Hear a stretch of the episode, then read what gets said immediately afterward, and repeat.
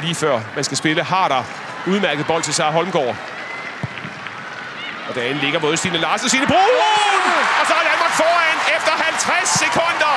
De har ville give Signe Brun spilletid for at få hende i gang for at få hende op på det niveau, vi så i efteråret, hvor hun høvlede mål inden for landsholdet.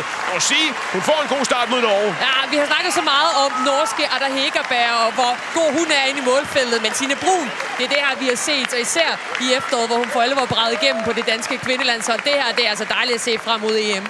Jenny Thomsen, så skal den også falde første gang til Stine Larsen. Får alligevel fat i den Larsen, og der har der!